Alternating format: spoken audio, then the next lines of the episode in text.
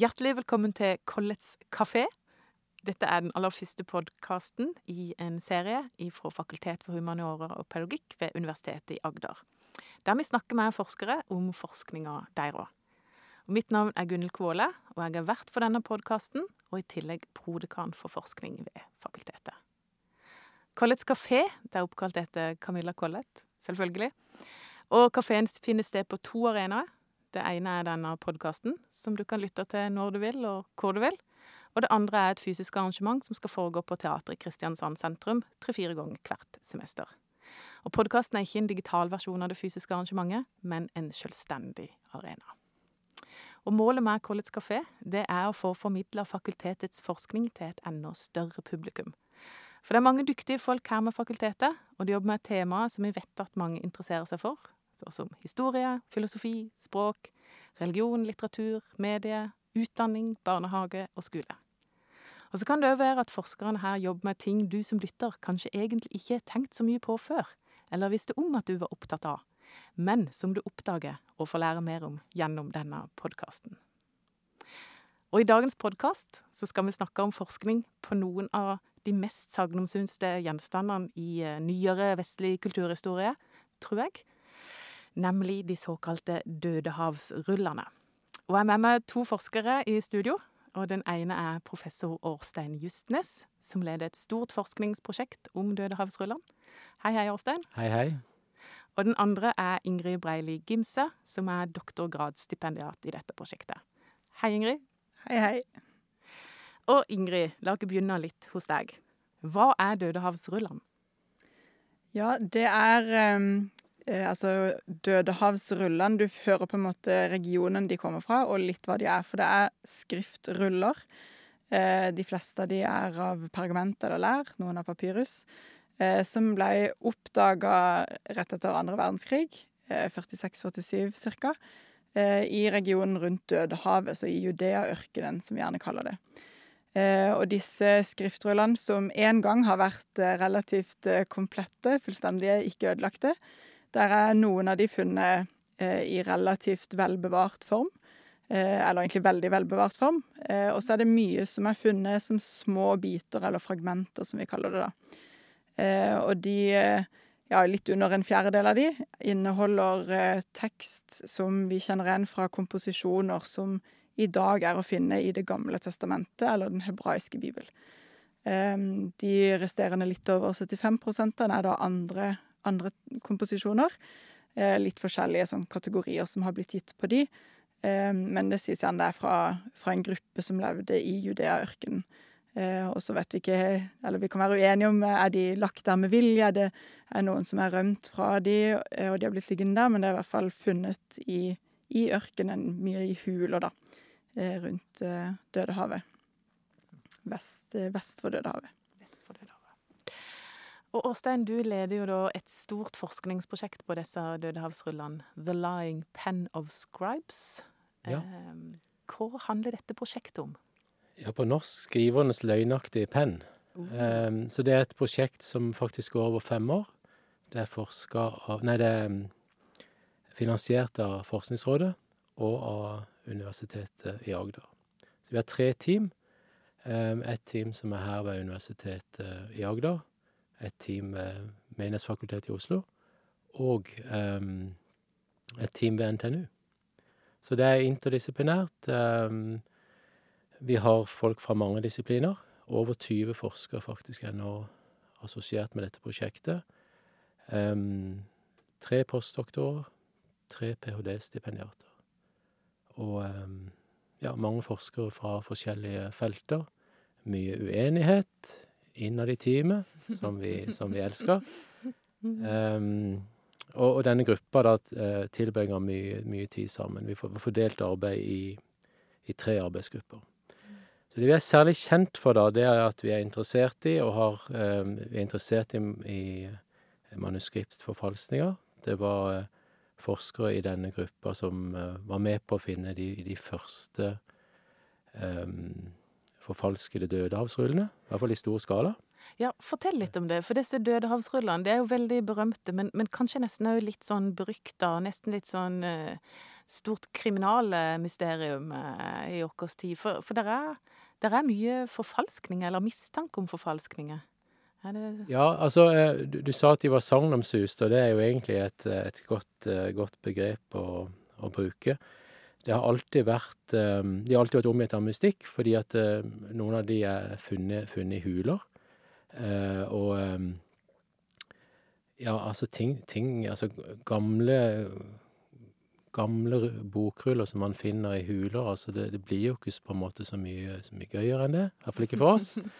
Eh, så, det, så det er omgitt på en måte av, av Det har vært mange, mange spekulasjoner knytta til det. Og, og tidligere spekulasjoner har f.eks. vært at den katolske kirke holder informasjon tilbake fordi det er eksplosivt stoff i disse dødehavsrullene som vil, vil gjendrive det kirken står for.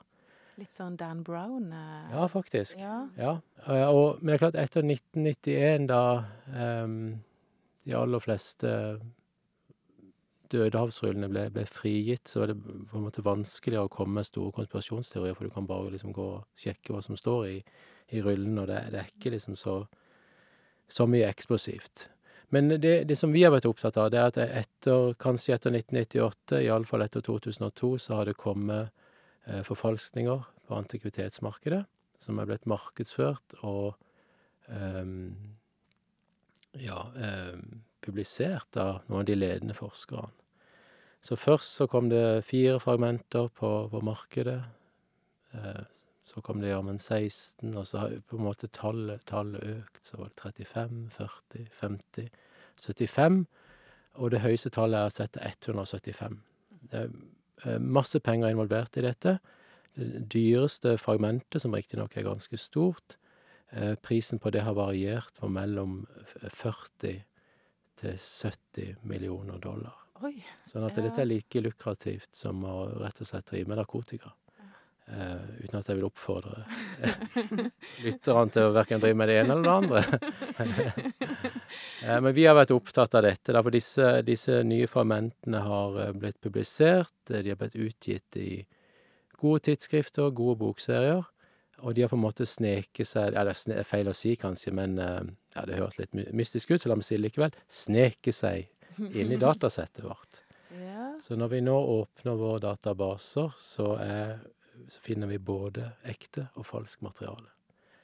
Eh, men altså for all del, det aller meste er jo, er jo ekte. Og vi vet hvordan vi skal finne det falske. Da. ja, du vet det? Vi vet det, ja. Ja, åssen eh, Det høres jo litt spennende ut. Ja, jeg pleier ofte å ringe min mor og, og høre Nei, altså ehm, Vi kan se at de skiller seg ut, de falske, falske fragmentene. De er skrevet på en annen måte. Vi sier ofte at de har en litt sånn imitert håndskrift. Det er tydelig at ikke de har vært like drevne som de gamle skriverne. Så det virker som de, i noen tilfeller iallfall, har, sett på hebraisk, og så har de prøvd på en måte å, å imi, imitere det. Eh, Så de, de, de, skiller seg, de skiller seg ut, de er mulig å, å identifisere. Og så kom de jo på en måte out of nowhere. Så de hadde ikke noe fortid. Og det er det vi er litt opptatt av når vi, når vi eh, forsker på dødehavsrullen i 2021. Vi er opptatt av manuskriptenes proveniens, altså hvor de, hvor de kommer fra. ja. Og vi er ikke bare opptatt av hvor de falske kommer fra, men vi er også opptatt av hvor de ekte kommer fra. For når man forteller historien om, om dødehavsrullen, så forteller man ofte historien om en bortkommet geit og noen, og noen gjetergutter. Mm. Geita forviller seg inn i en hule. Um, Gjeterguttene leiter. På ett punkt så kaster de en stein inn i, inn i hulen. De hører lyden av potteskår. De kommer seg etter hvert inn i hulen, forventer å finne en skatt, men så finner de ah, den gamle, gamle skitne, bokruller. Og den historien der har jo blitt liksom brukt eh, all over. Jeg syns jeg husker den fra min egen eh, ordfagsbok, eller kanskje kristendomsbok fra, fra Ja. barneskolen og Du har, ungdomsskolen. sikk- du har sikkert også Ja. fargelagt den geita. Fordi at det var jo det ordfagene ofte gikk ut på, at man skulle liksom si da, ikke bare jobbe med stoff, men skulle også, også fargelegge og, Mm. og pynte, da. Eh, Men Dødehavsrullene er sannsynligvis en rekke manuskriptfunn. Eh, mellom 1946 og, og, og 1956. I alle fall de såkalte Qumran-manuskriptene, disse som er fra de elleve hulene, eller kanskje litt flere enn elleve huler. Er det noe spesielt med de eh, manuskriptene der? Altså, du nevnte jo litt, men, men dette her er på en måte eh, Hva skal du si Mosebøkene. Eh, og det ting som en kjenner igjen fra Gamle testamentet? Det, det er tekster som, eh, som en kjenner igjen ja, fra, fra egentlig nesten hele Det gamle testamentet. Utenom eh, Nehemia, egentlig. Og eh, det er vel Ester kanskje som mangler. Um, og det er jo interessant i seg selv at eh, Nehemia plutselig dukka opp på noen forfalskninger. For det er klart, det har jo- Det ville jo ha ekstremt høy eh, pengeverdi ja. hvis en plutselig liksom OK, nå har vi faktisk fått en kopi av det vi har mangla hittil. Um, og på en måte hele historien om åssen det dukka opp med samlere som sa at åh, det hadde vært utrolig kult å få et Nehemia-fragment, og så dukka det plutselig opp kort tid etterpå. Det i seg selv får jo en del varsel, varselbjeller til, til å ringe, men, men, eh, men ja, tilbake til disse eh, til disse rullene, og, og det at det er bibelsk, så tror jeg jo Eller vi kaller det jo bibelsk. Eh, det tror jeg jo er noe av på en måte kilden til det at det blir så sensasjonelt. At på en Mm. måte det meste som kan knyttes til eh, Bibel og teorier om Bibel, blir det på en måte store teorier rundt når en ikke har all informasjon out in the open. Mm. Ehm, uh, ja, og så kan jo det trekkes inn både med hvordan, hvordan disse skriftene har blitt brukt, og så uh, hva man har vært interessert i når man har publisert. Um, Ja, mm. for jeg skjønte at du, du har vært litt opptatt av liksom dette med redaksjonelle praksiser og litt sånne Mm. ting. Uh, hva handler det om? Altså, jeg kom jo inn eh, Dette blir jo min sånn historie, hvordan kom jeg inn i Ja, forskninga? men fortell, fortell. Det er alltid gøy å høre. For jeg har jo på en måte kommet inn bakveien inn i dødehavsrullforskninga. De fleste ville jo begynt å jobbe med f.eks. én tekst eller et manuskript som de var spesielt interessert i, og jobba med det, og så kanskje etter hvert begynt å se på forfalskninger og, og historikken rundt det. Eh, jeg kom på en måte inn bakdøra og begynte med at jeg hadde en masteroppgave om forfalska dødehavsruller og syntes det var utrolig spennende. Eh, men så begynner en jo etter hvert å lure på eh, dette feltet som ligger bak her. Hva, hva har gjort at vi har latt oss lure av disse tingene? Og ikke at det er noe unikt for feltet i det hele tatt. Det er mange felt som har latt seg lure mye. Men en lurer på hvilke ting er det som ligger bak, da. Eh, og da, på en måte gjennom det, så begynte jeg å være veldig interessert i, i selve publikasjonshistorien. For det er jo gjennom eh, publiseringa av rullene at de på en måte blir tilgjengelig for eh, både egentlig forskere og offentligheten for øvrig. Eh, I tillegg til museer, så klart, og, og andre, andre ting som det. Men det jo, du kan ikke på en måte bare dra til, til disse museene og gå inn i på en måte rommene hvor de oppbevarer selve rullene eller selve fragmentene, og bare se på de. Det er på en måte ikke så tilgjengelig, for de er jo godt De må bevares best mulig. Etter å ha overlevd rundt 2000 år, så vil en gjerne at de skal overleve litt til. Eh, så da kan de jo ikke på en måte ligge ute i det åpne. Og så er det jo egentlig umulig for de aller, aller fleste av oss å få noe som helst ut av det, å se på i hvert fall fragmentene, som gjerne er såpass eh, på en måte brutt ned at de er mørke, vanskelige å, å se på. Du kan kanskje se at det er lagd av lær, men du kan nok ikke se noe skrift nødvendigvis uten f.eks. infrarøde bilder osv. Så, videre.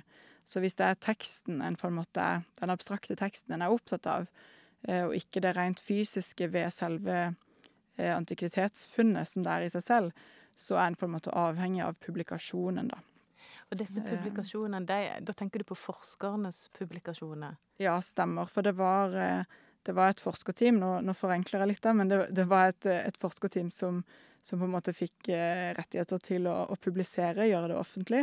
Eh, Det teamet vokste over tid, for det tok jo lang tid. Først i den offisielle publikasjonsserien som heter 'Discoveries in the Judean Desert', eh, så kom første bind ut i 1953. Nei, 1955. Foråret var i 1953. Eh, og siste bind kom ut i 2010.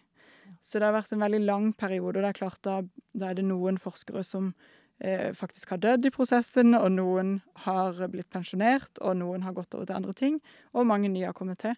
Eh, men det teamet vokste fra de første åtte til å til slutt være 106 da, som hadde bidratt i den serien. Eh, og så er det andre, eh, andre manuskripter fra, fra Kumran og fra området rundt som er publisert også utenfor den offisielle serien, og som er veldig viktige, men det er den offisielle serien jeg har sett på, da, eller holder på å se på, eh, hvor jeg er veldig interessert i på en måte alt som har vært med på å forme eh, hvordan dødehavsrullene blir formidla i den serien. Fordi den nok ofte er, for mange av oss, første møte med dødehavsrullene, hvis en skal jobbe med det, i hvert fall. Um, og da er jeg liksom interessert i sånne ting som hvem fikk være med å publisere? Eh, hvordan, hvordan ble de valgt til det? Eh, interessert i hvem fikk gi navn til disse rullene, for de har jo blitt gitt navn. Også de, mange av de minste fragmentene som bare inneholder noen få ord, har fått navn. Em, så sånne ting som det som er med på å forme eh, personer som meg sin tolkning av de, da. Eh, det er klart hvis du får et bilde av noe med noen få ord, og ikke noe navn, så eh, hadde jeg hatt mye mindre å gå på enn hvis jeg får et eh, bilde av et fragment med navnet eksempel 4Q Genesis. Så tenker jeg med en gang ok, dette er første Mosebok-tekst, ja.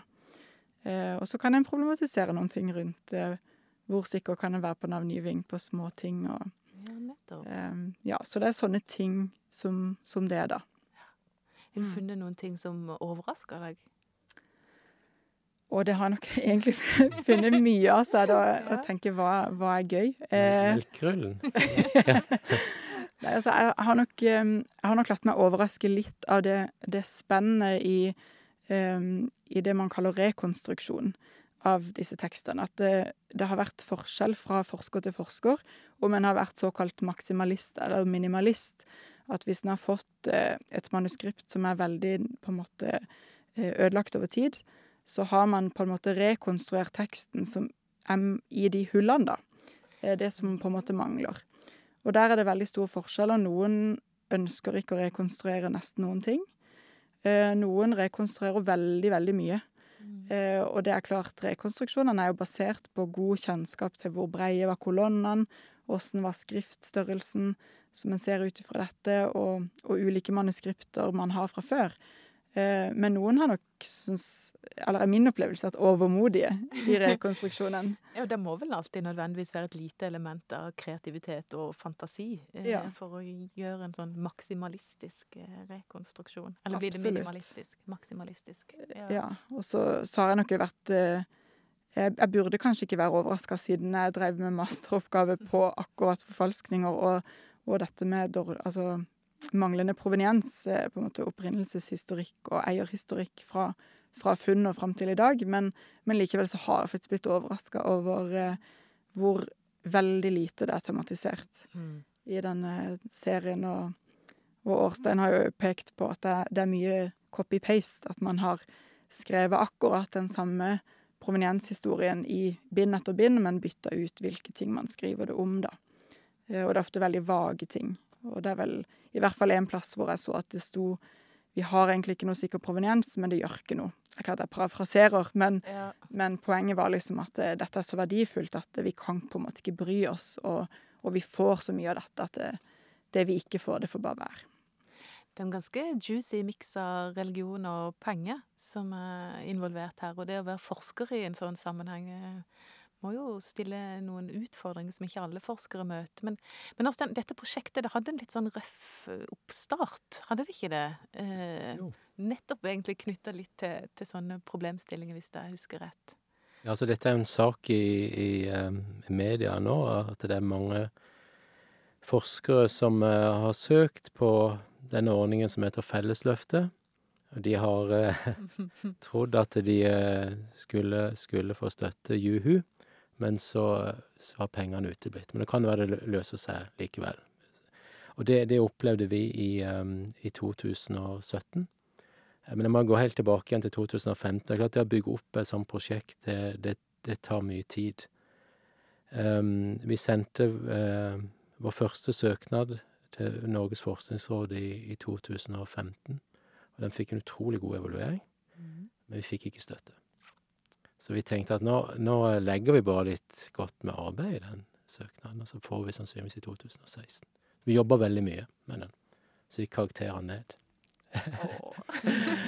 Eh, og så husker jeg jeg sa på et punkt altså hvorfor, hvorfor gidder vi? Men så var det egentlig særlig da disse her eh, eh, våre gode kolleger ved, ved NTNU, disse bildeekspertene, som sa jo vi, vi prøver, prøver en gang til. Så kom de ned til UiA, og da var det liksom god stemning og masse tøys og tull og god mat og litt, litt eh, ja, gode inngående samtaler. Så fikk vi en vi fikk en prosjektbeskrivelse som vi tenkte at denne her er ganske god, og mye av det som vi eh, i prosjektbeskrivelsen skriver at vi, at vi eh, ønsker å gjøre, det kommer vi til å gjøre likevel. Fordi at det, det er såpass spennende. Og så fikk vi da støtte, fikk vi høre. Juhu. Juhu. Jeg fikk, jeg fikk faktisk eh, Jeg husker jeg var på vei til en konferanse faktisk i Boston, og nå høres jeg veldig mye mer verdensvant ut enn jeg for jeg reiser egentlig ikke så mye på konferanser. Men iallfall. Og um, flyet landa, sjekka tekstmeldingen um, litt før jeg skulle, kanskje før flyet hadde stoppa, og da var det sånn ti-tolv gratulasjonsmailer. Sånn wow! Dere har fått ikke bare at vi har fått støtte, vi har fått 25 millioner. Hold deg fast. Og så sitter jeg der i, i flysetet, og så begynner jeg å grine. Og er- kan jeg, jeg er veldig lettrøst, men passer at jeg ikke snakker meg inn i dette. Jeg begynner å grine, tårene triller. Jeg tenker bare dette er helt utrolig, dette her skjer jo ikke. Og sånt. Eh, og så skjer noe veldig vakkert at eh, disse vertene på flyet de kommer og henter meg og begynner å trøste meg, for de trodde at landingen hadde vært traumatisk. De viste meg masse omsorg, og jeg har hatt nei, er 51, jeg får jo ikke så mye den type oppmerksomhet, så jeg bare tenkte det bare la det stå til. Ehm, og så eh, husker jeg mange av de forskerne som var med på prosjektet, de var, de var da i, i Boston, og vi, vi, vi klarte egentlig ikke å snakke om noe annet eh, den kvelden, og planla og så videre. Ehm, så er det forskjellige faser. UiA godkjente prosjektet i, i desember, og vi skulle, skulle starte det i februar. Så jeg husker jeg skulle reise inn til Oslo. Og min, min mor hadde lagt frem tøy, skulle jeg mest ha sagt. Altså alt var, alt var planlagt, og jeg skulle, skulle reise inn. Og, og faktisk, jeg tror det var uka før, så, så kommer eh, dekanen inn på kontoret mitt. Jeg kan se at noe er galt. Eh, og jeg er jo sånn skrudd sammen at jeg tenkte hva, hva er det nå jeg har gjort? Så det, det eh, Men jeg kunne se Det er hun som er rektor nå i dag, Sunni var en veldig sjenerøs sjenerøs person. Hun hadde liksom et litt annet uttrykk. Så sa hun det at jeg har blitt kontakta av Forskningsrådet, det, det prosjektet det blir ikke noe av. For, for Forskningsrådet er redd for at uh, dette prosjektet skal stimulere antikvitetsmarkedet. Altså at forskningen der skal, skal legge eller, ja, bensin på et, på et bål som, som eh, ingen ønsker skal, skal flamme opp.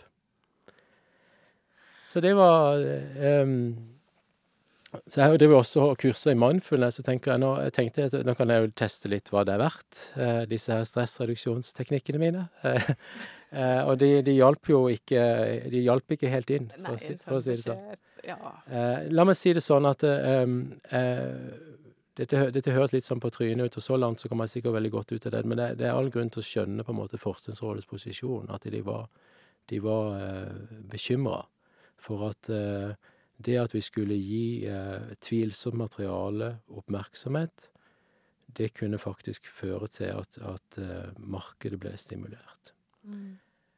Men i alle fall, så starta Vi kunne egentlig ikke klage heller, men eh, jeg, jeg syns det var mange forskere som var der, og jeg, følte på en måte jeg hadde lurt de alle opp i stry. Og jeg tenkte jeg må bare klage for, for sin, for skyld. Så jeg klagde én gang, og fikk avslag. Jeg klagde enda en gang. Og da fikk vi, eh, jeg husker det ikke helt, men litt sånn upresis, jeg, jeg fikk støtte faktisk fra et eh, eksternt klageorgan fra NFR. Men NFR sa nei andre gang. Og tredje gang så, så gikk det faktisk igjennom. Men da hadde det gått to år. Ja. Så da hadde forskningsfronten på en måte endra seg. Så vår prosjektbeskrivelse, den er så 2017. så det måtte vi faktisk hevde overfor Forskningsrådet. Dette er så 2017. Så vi måtte rett og slett revidere prosjektbeskrivelsen. Eh, og da eh, Det gjorde jo prosjektet veldig mye bedre. ja. Fordi at eh, vi, kunne, vi kunne ta med oss også momenter som har kommet frem i, i klagerunden, og refleksjon. Og, og så kom Ingrid med. Ikke? Ikke sant? Så er det ikke kjent? egoistisk sett for meg var det jo fantastisk at det ble litt forsinka. Ellers hadde ikke jeg rukket å bli med. Vi har aldri sjekka om det var Ingrid som ringte Forskningsrådet. Si det til noen. Her er en god teori, altså. Men altså, det må jeg bare si, den, vi har den beste relasjonen til, til Forskningsrådet. Det var en lang prosess. Den var, den var, eh, eh, den var lærerik. Eh, og eh, og vi, vi klarte også å ha en god relasjon til Forskningsrådet gjen, gjennom den tida, og, og, og har, det, har det også i dag. Det det er vanskelig å være forsker, men det det er også veldig vanskelig å være forskningsråd. Ja. Så vi spill, jeg, jeg så på det som rollespill. Altså, vi, vi, vi skulle søke, vi måtte spille rollen som søker. Forskningsrådet måtte spille rollen som, eh, som, som forskningsråd.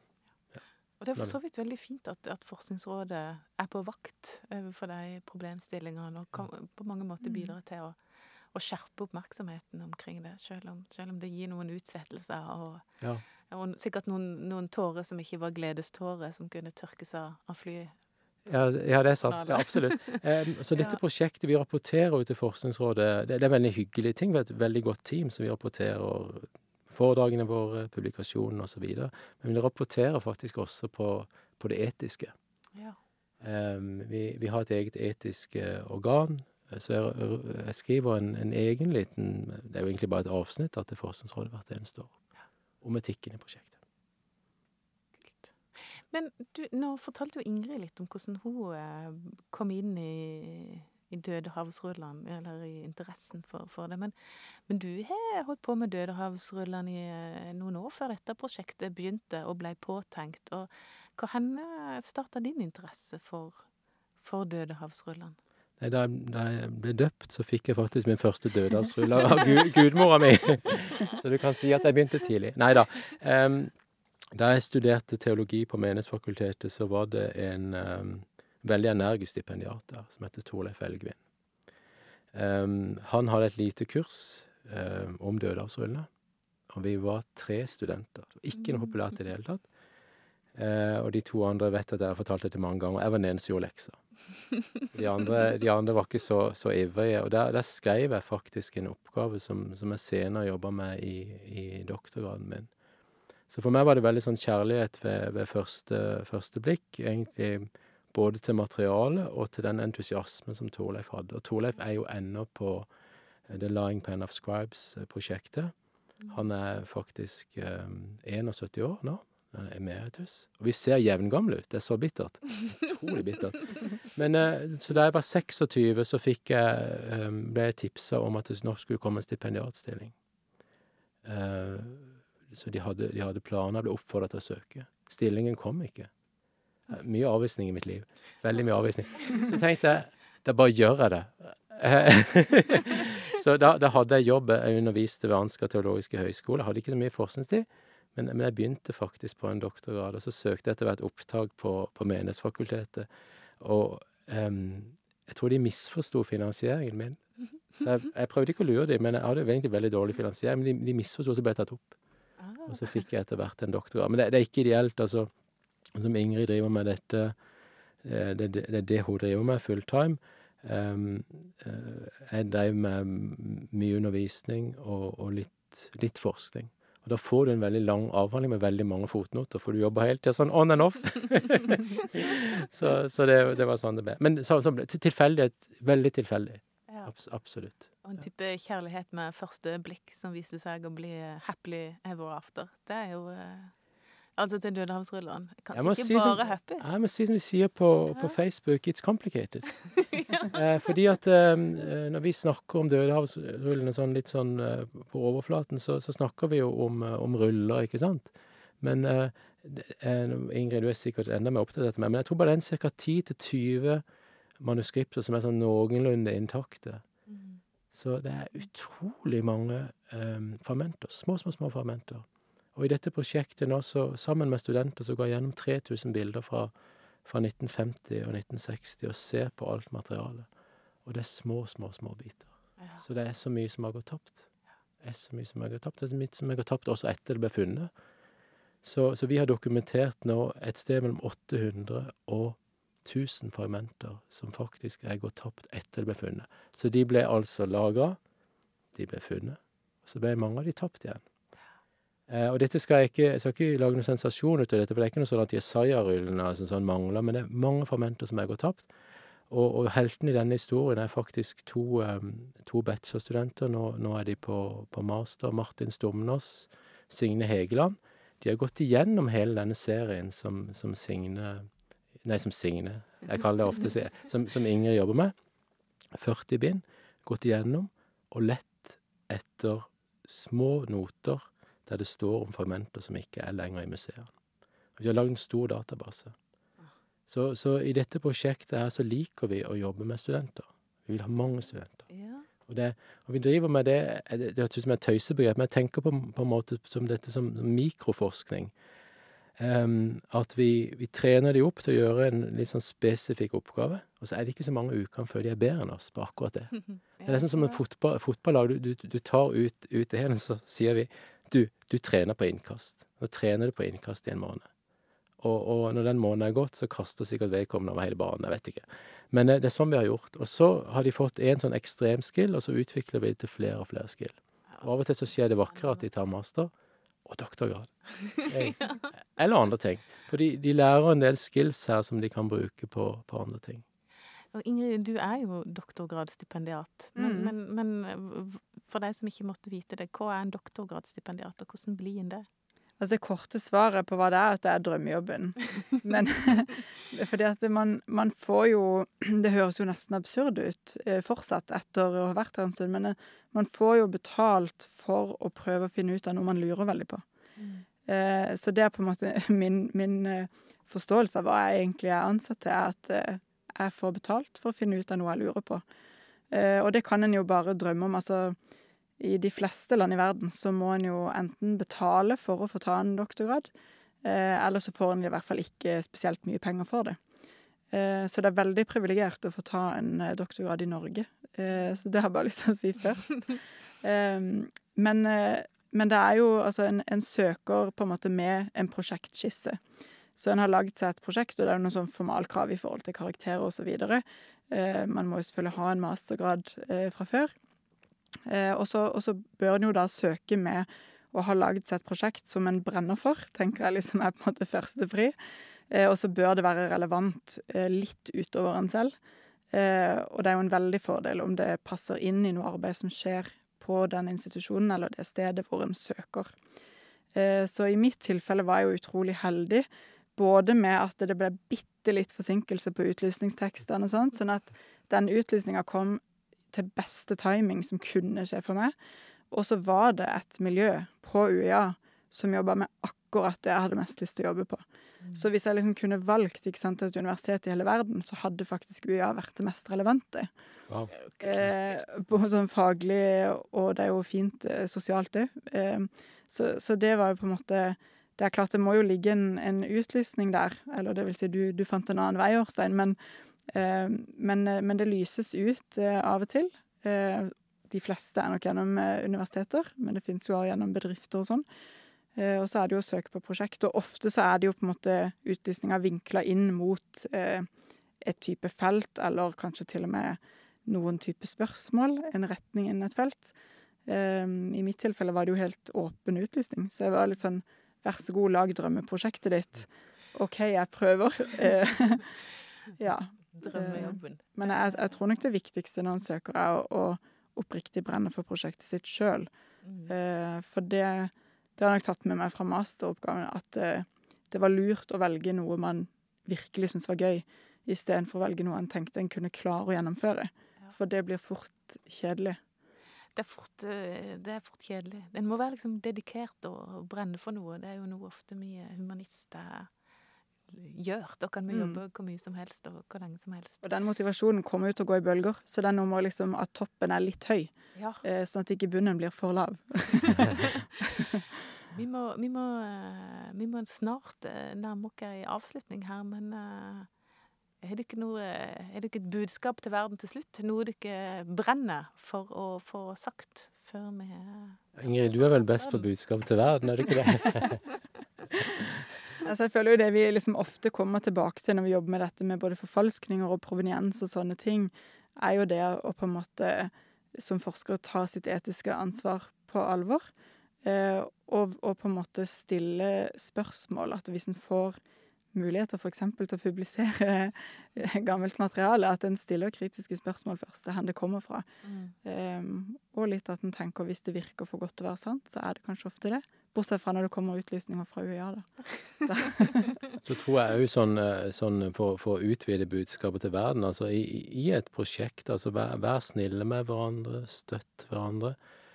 Um, nyt at de yngre blir bedre enn deg. Det tar litt tid å venne seg til det, men altså det uh, Hvis man Hvis uh, Altså um, um, det, det, i, I et prosjekt vil alltid være forskere der som kan noe, noe betydelig bedre enn det. Og min erfaring er også at det, det gjelder også studenter. Så, så nyt når det skjer, at det kommer andre til feltet som bidrar inn i prosjektet, eh, og som gjør eh, en del ting eh, enda bedre enn du gjør, enn du gjør selv. Og det, dette med å drive forskning og um, på, på et, et, et, høyt nivå, dette er jo forskningsrådsfinansiert, det, det, er, det, det, kan være tøft. og Derfor så, så må man hele tida støtte, støtte, hverandre. Være trygg på hverandre. Anerkjenne hverandre. Sånn at man tør å vise en tekst som ikke er sånn kjempegod. For det er bare hvis man tør å vise teksten på et litt tidlig stadium og får godt innspill, så kan det være man sparer måneder, faktisk. Ja. Og kvaliteten, kvaliteten, går opp. Så, det, så vi, vi, tilbringer eh, mye ting eh, Det er mye tid sammen. Eh, det siste året dessverre, dessverre på Zoom, men det, det, er veldig viktig, altså. De, de tingene. På et tidspunkt hadde vi faktisk også en filmklubb. Der vi så, så B-filmer om, om tøysearkeologer. Det var veldig bra. Men den, vi har liksom ikke klart å holde den helt i gang eh, under korona. Men eh, ja, det er viktig, viktig å, å, tilbringe tid sammen. Ja. Mening og fine folk. Det hjelper på, på forskning. Så da tror jeg kanskje at tida er kommet for å avrunde samtalen. Så jeg vil bare si tusen takk til Ingrid og til Årstein for en veldig fin samtale. Jeg føler meg litt opplyst. Eh, enda mer interessert i Dødehavsrullene. Og litt sånn sjelelig eh, og intellektuelt berika av denne halvtimen her sammen med dere. Takk for at dere var med her. Takk for at vi fikk komme. Eh, ja. Takk for invitasjonen. Camilla Collets kafé takker for praten, og så høres vi snart igjen.